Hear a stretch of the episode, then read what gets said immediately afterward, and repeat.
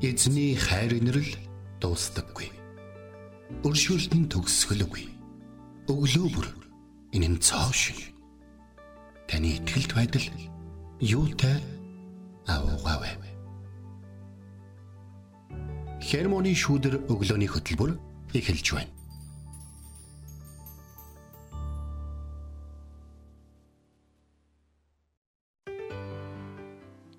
Өглөөний минь Өглөөний мэнд. Өнөөдөр бол 2023 оны 11 сарын 16-ны пүрэв гараг байна. Итгэл радиогийн эфирээс хермоны шүдэр өглөөний хөтөлбөр инхүү эхэлж байна. Эфирт пастор Сайна болон хөтлөгч Билгэнаар тантай хамтаа холно. За тэгээд өнөөдөр өглөөний их сонирхолтой юу боллоо. За. Хүн надтай мэдлээд Германы шүдэр сонсож байгаа шүү гэж хэлсэн. Өөх тийм үү? Маш баярлаа. Тэгээд та нар маань бас залбирч өгөөрэй. Бас бид нар бүгдээрээ хамтдаа эзнийг ирэн хайж байгаа гэдэг энэ цагт хэлэхтэй маш баяртай байна.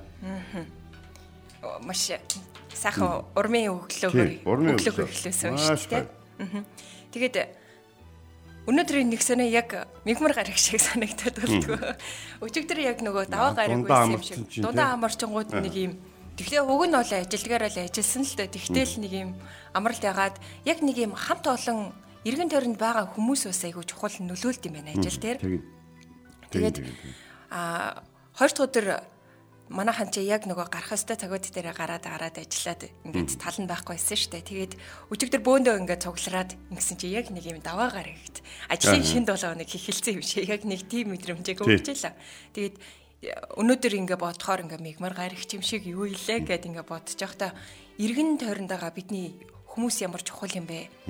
Энэ буцаагаад нөгөө харилцаа болоод тий бидний бас нөгөө ажиллаа хийхэд урам зориг хүч бас ингээ болдсон байна гэдгийг бас мэдэрчээлээ. За.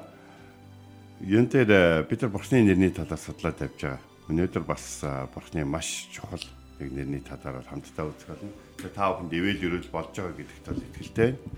Тэгээ та нар маань бас а, комент хэсгээр та бүхний үлдээж байгаа зүйл бидэнд болоод бусдад маань маш их уран болж байгаа шүү. За тэгээд өнөөдрийн бидний судлах бурхны нэрийг таньж мэдэх нэр бол Эл Шадай гэдэг нэр байна. Магтан дуу хүртлээд ш тэ. Эл Шадай гэдэг э, нэртэй дуу байдаг.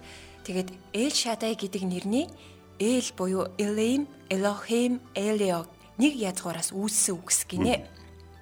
Тэгээ эрт дээр үеэс өргөн хэрэглэгдэж ирсэн бурханлаг нэрсийн нэг юм аа. Ээл гэдэг үг нь хүч ба эрх чадал гэсэн утгатай санаарай гэсэн байна. А харин шадай гэдэг үгийн утга нь бүрэн тодорхой биш байт юм байна. Ямар язгуураас энэ үг гарсан судлаачдын хувьд ч онцгой хэвээр байт юм байна. Тэгээд зарим нь түүний шүүлтийн хүч ба эрх чадлыг илэрхийлдэг гэж бас үздэг. Харин зарим хүмүүс нь а эзэн би таныг мэдхийг хүснэ гэдэг номон дээр болохоор элбэг дүүрэн бурхан гэсэн утгаар хэрэглэгддэг юм байна. Тэгээ бидний а мэддгээр бол те Эл Шадай гэдэг нь болохоор төгс хүчит бурхан гэдэг нэршлэр явдаг те. Тэгээд өнөөдөр бид нэр төгс хүчит бурхны нэртэй танилцах нэ те. Тэгэхээр төгслөчд болсон гэдэг энэхүү үг нөгөө элбэг дэлбэг гэдэг өглөөгөө бол нэлээд дүүж орчуулагдсан болов гэж бол бодож байна. За тэгээ манай Библийн орчуулгын ёстой жинхэнэ хурал болж идэг ш. Нэг удаа би нэг орсон чинь бурхны яг энэ нэртэй хэсэг дээр ингээд нилээн их хоорондоо те санал дэвшүүлсэн, маргалцсан, номуудыг шүүсэн, энд шүүсэн, харьцуулсан ийм байдлаагаар орчуулж ирсэн. Тэгээд өнөөдөр хамтдаа бүгдээрээ Эш Шада хэмээх эзний нэрийн талаар хэсэгхэн бяцхан богинохоо хугацаанд хамтдаа суралцъя. За тэгээд сонсон суралцахаасаа өмнө төгс хүчит эзэн бурхныхаа өмнө хамтдаа ирж түүнд алдар магтаалыг өргөцгөөе.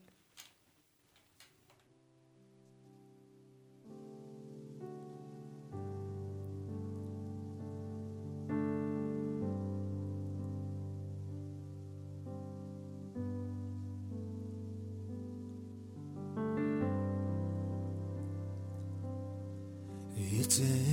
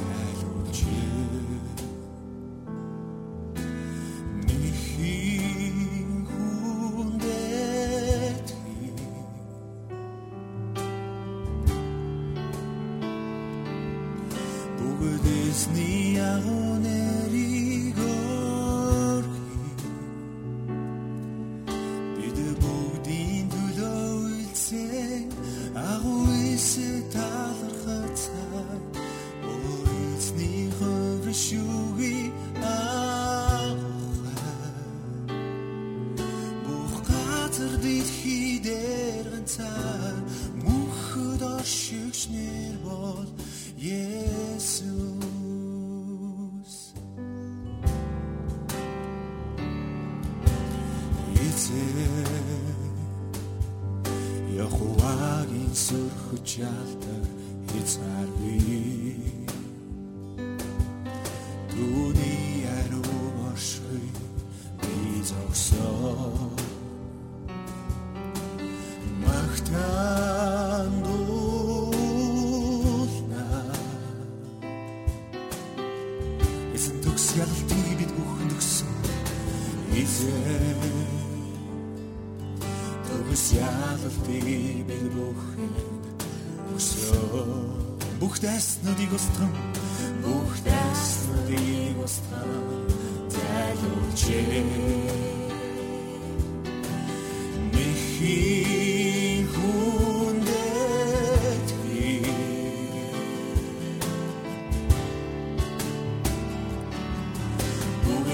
Sni amoneri gorli Идэг бүгдийн төлөө үлцээ Агуулсэд талхацтай Ойсны хөршүви ахухай Бүх газар дэлхий дээр ганцаар Мөнхөд ашигш нэр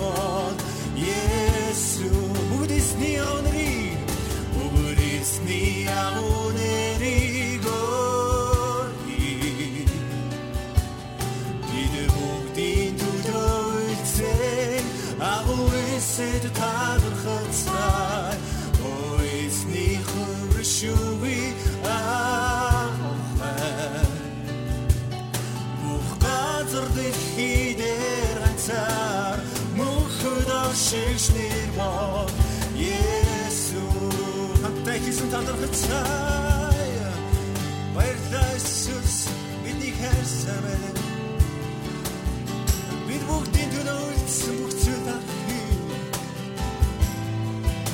Ойсти ойсни хөршүви ах ухаа Бүх газар дэд хийдэр ганцаар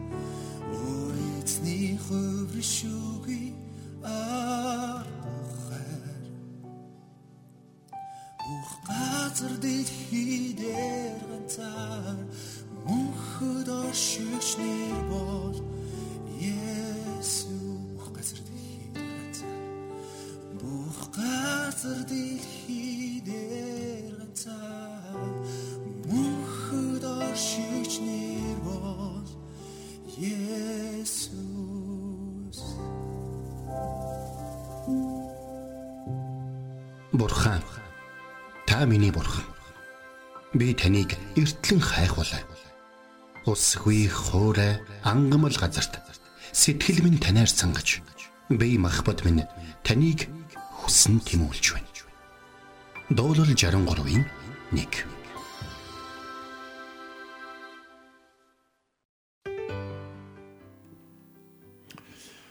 За одоо хамтдаа Эл Шада хэмээх эзний гахалтай нэрийг хамтдаа ойлгон суралцах цагт гарыг. Тэгэхээр миний хувьд ингээд бурхныг нэр нэр болгоныг ингээд ярих болгонда түүний өмнө нэлээд сууж байгаа. Яагаад тэгэхээр энэ ахгүй юу гэдэг нэг юм тайлбарлаад өгч нэг нэг те машины хамар зөксөн Ахмад жолооч те нэг залуу жолооч те энэ энэ ахгүй юу энэ ахгүй юу гэдэг ингээд ээлждэг ийм байдлаар бурхныг бол танилцуулах бол боломжгүй байгаа. Тэгээд нэг орц итгэгч найзтайгаа бурхны талаар ингэ ярьсан чи миний бурхан бол миний мэдих хамгийн их өрөөтэй байшингаас их өрөөтэй. Миний мэдих хамгийн их зан чанартай үнээс их зан чанартай. Хамгийн их бараатай дэлгүүрээс ч бараатай. Тэгэл одоо бодчиход болно гэж. Тэгээд орцон ярьжсэн учраас миний хувьд юу сонсон бохор ломносын их сургуулийг бодсон. Москвад байдаг Домносын их сургуульд 3000 орчим өрөөтэй бөгөөд нэг өрөөнд нэг хонох юм бол бараг 3 жилийн дараа гарч ирнэ гэж байгаа байхгүй. Тийм тэгээд тэр асар их өргөн удам одоо нутаг дэвсгэрт байдаг тэр олон өрөөтэй тэр сургуулийг үндэслэгч а Ломнос бол өөрөө бол 18 мэрэгчлэр бол хүний хүрэг хэмжээнд дээд хэмжээнд хүрсэн гэж бол Оросод бол өөрөө үздэг. Тэгэхээр манай Эренчин гой бас 17 хэлмэлтэй гэдэг гэдэг. Хүн хичнээн их чадвартай тэр хүнийг алдаршуулах зүйлүүд нь тэр хүний талаар ярих зүйлүүд нь одоо юу гэдэг нь тэгсэн гэж ялээ. Тэгсэн гэж ярьдیں۔ Ингээд үлгэр домгууд нь их байлаа гэд бидний эзэн бурхны өөрийгөө танилцуулсан байдал болоод түүний бидэнд хийж өгсөн үйл явдлуудын хажууд бол маш бага. Ер нь бол баг зөөрлөгдөхгүй нөгөө талд нь юу ч байхгүй гэсэн үг. Тэгэхээр э, Авраамыг 99 настай байхад эзэн Авраамд үдэгдэж би бол төгс хүчит бурхан. Миний өмнө явж гим зэмгүй байгтан гэж хэлсэн ба. Тэгэхээр энд хоёр хүчрхэг үг байна. Нэгдүгээр Авраамд үдэгдэж гэдэг үг байна. Хоёрдугаарт би бол төгс хүчит бурхан гэж өөрийгөө танилцуулсан байна. Нэгдүгээрт бол эзэн Авраамд үдэгдсэн гэж байна. За үдэгдсэн гэдэг энэ үгийг Авраам юу харж байгаагаа хараад ойлгосон гэд ойлгодог гэдэг ойлголтоор авч үзэн гэх юм бол бурхан ямар одоо агуу нэгүсэл Авраамд үзүүлээ бэ? Магадгүй бид бурхны өдөр болгон хардаг гэсэн тэр хитрхи дэндүү агуу дэндүү том учраас бидний нүд дэндүү бохор дэндүү гэмтэй бас дэндүү юмыг харах чадвар маань бидний сэтгэлгээнээс болоод мут учраас ойлгож харддаг байх боломжтой. Харин Авраам 99 настай 75 настайгаас дуудагцсанаас хойш 99 настайд нь эзэн түүнд үзэгдэж түүнтэй нүүр нүрээ хараад ярих хэмжээнд очсон гэж бол ойлгож байна. Тэрээр тийм дуулууртай эзний өмнө тийм их гимшилтэй даруугаар амьдарч ирсэн гэсэн үг бол болж байгаа. Бурхан минь та надтай уулзаач. Та надад нэг харагчаач үгээ хэлээч гэж ярьж байгаа хүмүүсээс нэг зүйлийг хэлмээр. Эзний өмнө гим зэмгүй явахт. Тэгвэл эзэн танаар хийх ажил алдна гэж. Тэгэхээр эзэн үйл Эхлэл номын 6 дугаар бүлэг дээр дэлхий тэр чигээрээ богортон бүгдийг устгахаасаар аргагүй болж байгаа үед бол болоо олж харсан ба тэр эзний өмнө гимдэмгүй нэгэн байсан гэж. Гимдэмгүй байх гэдэг ойлголт нь өөрөө агуу төгс өчөд бурхныг таньж мэдсэн хүний тэмүүлэх ёстой цорын ганц зарчим жанжин шугам болсон баг. Бид ямар нэгэн зүйлийг сайн хийх гэж хичээхээсээ илүү эхнээсээ бурхнаар уртнаар бүтээгдсэн энэ хүү энэ хүн гэдэг энэ амьдралаа гим зэмгүй болгоход өөрийгөө зориул бурхны хүч чадлыг асууж бурхны өмнө дуулууртаа нэгүүлсэнгүй байж байгаа юм бол бид өөрсдөө хийх гэсэн зүйлүүдэд хойшондоо бурхныхаар хийх гэж оролдох юм бол харин бурхан биднээр хийлэх зүйл амьдрал маань цутхан орж иж нэг хүний амьдралд хизээч амжуулахгүй олон зүйлийг бид хийх боломжтой юм аа. Тэгэхээр төгс хүчит бурхан гэдэг энэ үг бол яг ийм учраас бидний өмнө бол бас тайлбарлагдана. Гим зэмгүй гэдэг үг өөрөө маш хүн цэнтэй үг байдаг л та үеийнхнийхээ дунд гимзэмгүй бурхны арт түмний дунд гимзэмгүй гэж тэ. Тэгэхээр шинэгээр номдор ч гэсэн энэ гимзэмгүй гэдэг үг бол гарч байгаа шүү дээ. Одоо Лук номон дээр тэ Захария Элизабет хоёр бол гимзэмгүй амьдэрдэг байлаа гэж. тийг хөөхөнтэй насан туршдаа тахилчийн амьдралаар амьдсан нөхөр нь тахилч эхнэр нь тахилчийн эхнэр хоёулаа маш их хичээсэн. Эзэн өөр хүүхэд бас өгөөгүй байсан боловч маш их хичээсэн учраас тэр хоёр ч гэсэн өөр хүүхэд өгдөг штеп тэгвэл өнөөдөр Авраам данх 75 настай байхад нь бурхан гадар нутгийн талаар түнтэй ярилцсан. Чи яв миний чамд болон чиний өөр хүүхдүүдэд өгөх газар руу яв гэж харин одоо 99 настайд нь тэр амлагдсан газар амьдрах эрхтэй амлагдсан газар нь шинэ улс үндэснийг байгуулан бурхны ард түмний эцэг болох эрэгтэй хүн гэдгийг харуулсны дараа одоо түнтэй эзэн өр хүүхдийн талаар ярилцж байна гэж. Тэгэхээр бид э, бурхантай олон зүйлийг нэг зэрэг ярих гэж оролдоод байдаг боловч бид ярьж байгаа тэр олон зүйлээ өөрсдөө авах хэмжээний юу гэдгийг бодох хэрэгтэй. Төгс хүчит бурхны хувьд өгөх хэмжээний юу гэдэг асуулт байхгүй. Тэр хизээл бол хизээ бидний тэр асуугаад байгаа зүйлүүд нь түүний хүсэлд нийцсэн бол өгөхөд бэлэн байдаг. Харин бид түүнийг авах хэмжээний гим зэмгүй амьдрч байгаа юу гэдэг нь маш чухал байна. Тэгэд энд Авраамыг 99 настай байхад эзэн Авраамд зөвтөж би бол төгс хүчит борхон чи миний өмнө яв гэж хэлсэн. Чи миний өмнө яв гэж. Тэгэхээр энэ ихөр бол намайг дагуулад яв. Хаашаа явах гэдэг юм гэж асууж байгаа тийм нэгэн байдлаар шүү дээ. Чи миний өвгөн би чиний баруун зүүн өмнө хойно те би чамд хэрэгцээтэй бүх зүйлүүдийг чиний зам дээр битэж би чиний дайснуудыг чиний өмнө дарж өгч би явна харин чи миний өмнө яв чи намайг ардаа явж байгаа гэдэгт үнэхээр итгэн чамайг ард чинь хараад явж байгаа гэдгийг чамд бүхнийг хийж өгөхөд бэлэн явж байгаа гэдэгт итгэн миний өмнө гим зөмгий байгтам гэж хэлж байна. Авраам Авраамд бурхан эхлэл 13 дээр тэгж хэлдэг. Лот түүнийг лото чи баруун тишээ явал би түн тишээ түн тишээ явал би баруун тишээ явъя гэж Авраам лотод найр тавьж байгаа байхгүй. Лотод амлагдаагүй нутгийг лотод Авраам өгсөн. Бурхан надад амласан юм чи өгөх байлгүй те. Харин одоо чи тэгээд надад салж нөмөр байгаа бол эхлээ чи сонголтоо хийдэ надад амлсан боловч надад яг өгөөгүй байгаа нутгийг энэ минийх би ийшээ нүүн мөн гэж хэлэхгүй энэ бол гимзэмгүй байдал байхгүй юу Энэ бол гимзэмгүй байх хандлага байхгүй. Тэгтэл лоттэй би тийшээгээ явна гэхэд хамгийн гой газар руу яваад өгөхөд лотыг явсны дараа л бурхан юу гэсэн юм. Чи баруун зүүн өмнө хаашаа хар. Би бүх газар нутгийг чамд олон чиний хүүхдэд өгнө гэж. За үүнээс хойш 99 настайд нь эзэн тэгээ дараад нь лот лотыг одоо гимтэм нүгэлтэй хотод амьдраа тэр хотод нь сүнхэд Авраам дээр бурхан ирээд түнтэй ярилцахтаа юу хэлдэг гэхээр би өөрийн юу хийх гэж байгаагаа Авраамд хэлэхгүй гэж юу гэж хэлсэн мэт. Тэгэхээр бурхан Авраамд бол маш шодрог хандсан гэдэг бид бол ойлгох. Би чамд газар нутаг өгнө. Өгсөн. Би чамд үр хүүхэд өгнө. Өгсөн. Энэ энэ дээр бурхан өгөх тухайд асуудал байгаагүй. Авраамын авах тухай дээр л асуудал байсан гэж. Авраам газар нутгийн далаар Лоттой ярилцахдаа зөв ярилцсан учраас тэр газар нутгаа өөрд авсан. Авраам 99 настайд нь бурхан түүнийг майхан гасан дагуулж гараад чи тэнгэрийн оддыг хардаа. Чи тоолж барах уу? Чиний өөр хүүхэд эннээс их болно гэж хэлгээд Авраам итгэсэн. Яг энэ хэсгээр маш их юм өхөөрдөн уншдаг. 99 настай өвгөн гараад итгэсэн гэж. Авраам тэрнээс хойш тэгтээ 75 жил амьдарсан шүү дээ. Гэхдээ Авраам 99 настайд нь бурхан өөрт нь хүүхэд өгнө гэхэд 86 настайдаа хүлээж чадахгүй эхнэрийнхээ үгэнд ороод бужигнуулж явсан хүн чинь дахиад 10 хэдэн жилийн дараа итгэсэн гэж хэлж байгаа.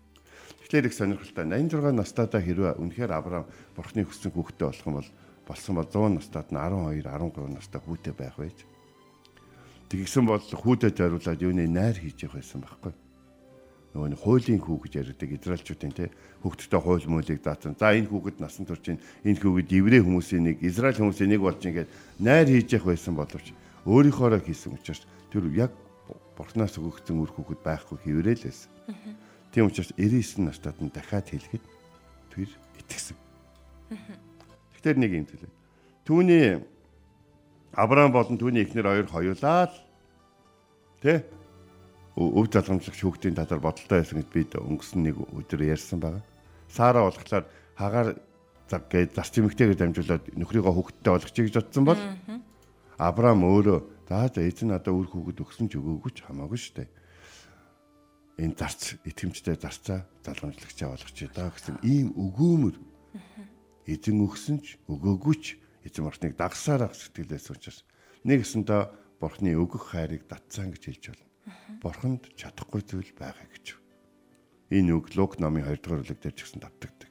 Харин одоо энд бас давтагч байна. Энэ орчул энэ үгний зарим утга нь одоо ч гэсэн одоо ойролт орнын улсуудад байдаг те.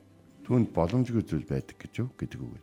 Энэ боломжгүй зүйл байхгүй гэдэг энэ үг чинь өөрөө төгс хүчит, төгс төгөлдөр гэсэн үг. Тэгэхээр өнөөдөр би та бүхэнд төгс хүчит бурхны талаар өөрийн мэдэж байгаа өчүүхэн мэдлэгээс та бүхэнд хуваалцлаа.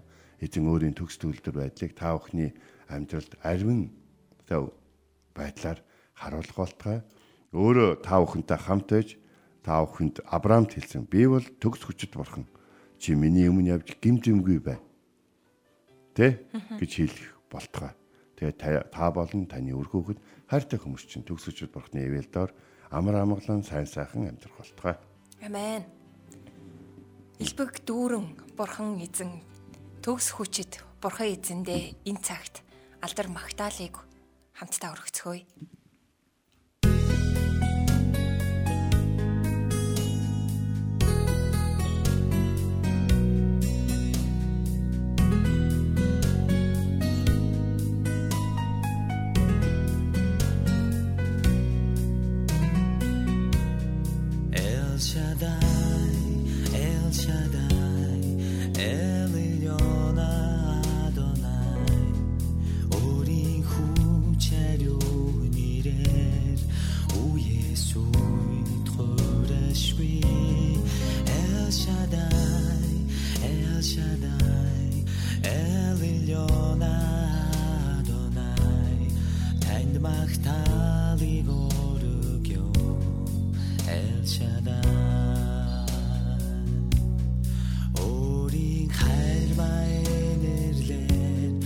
Still hier auf.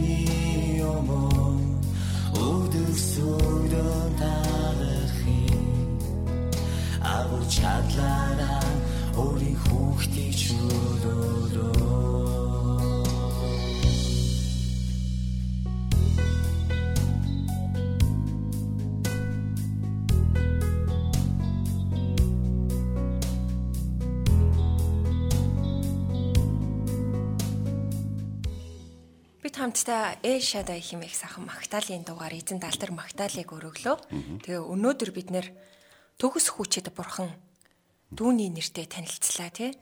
Эл Шадайг бас элбэг дүүрэн бурхан химэн орчуулсан байна тий. За тэгээд Эл Шадай бурхныг мэдэх хэрэгтэй байсан хүн нь хин бэ? Гэвэл Авраам байсан тий.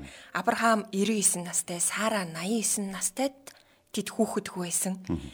Гэвч бурхан тэдэнд үр удмыг амлсан тий.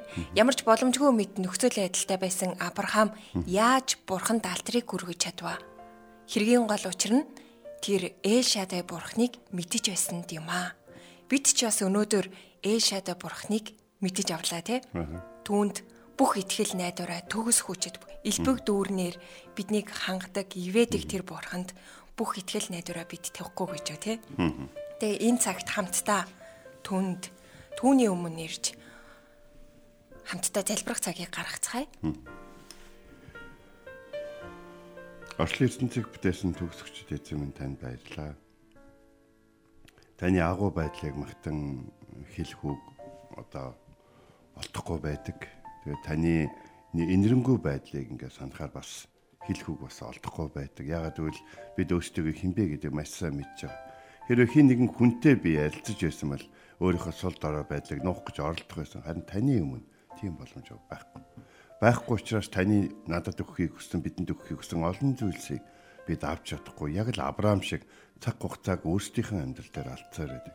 Гэтэ бурхан та бидэнд өгөхийг хүссэн зүйлээ бидний бэлэн болох үед өгдөг учраас танд үнэхээр их баярлалаа. Таны өмнө гим дэмгүй байхад туслаач гим нүглээс бол таны өгөх байсан асар олон зүйлийг газар асгаж авч чадаагүй цаг хугацааг үрсэн бидний сул дорой байдлыг та уучлж өгөөч.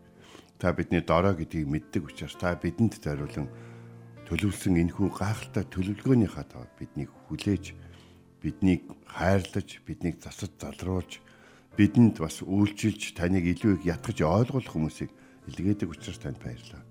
Бурхан минь бид яг Авраам шиг амьдралынхаа 25 жилийн туршид Бурхан өөрт нь үр хүүхэд өгнө гэдэгт итгэх тийм удаан хувьслыг хийж байгаа бол та биднийг уучлаарай. Тэгсэн ч гэсэн та эцэст нь үнэхээр гимзэмгүй амьдрах юм бол өгдөг учраас тань талархаж байна. Эзэн таны хайр инэрл таны төгс хүчит байдлыг энэ амьдрал дээрээ тунхаглан, энэ улс дээрээ тунхаглан, эзэн таны хүүхдүүдийн дээр тунхаглан Есүсийн нэрээр залбирэн гуйж байна. Амен. Энт хүрээд хермоны шүдэр өглөөний хөтөлбөр өндөрлөж байна. Бидэнтэй хамт байсан сонсогч танд баярлалаа. Маргааш эргээд энэ цагтаа уулзцгаая. Эзэн таныг харж хандах болтугай.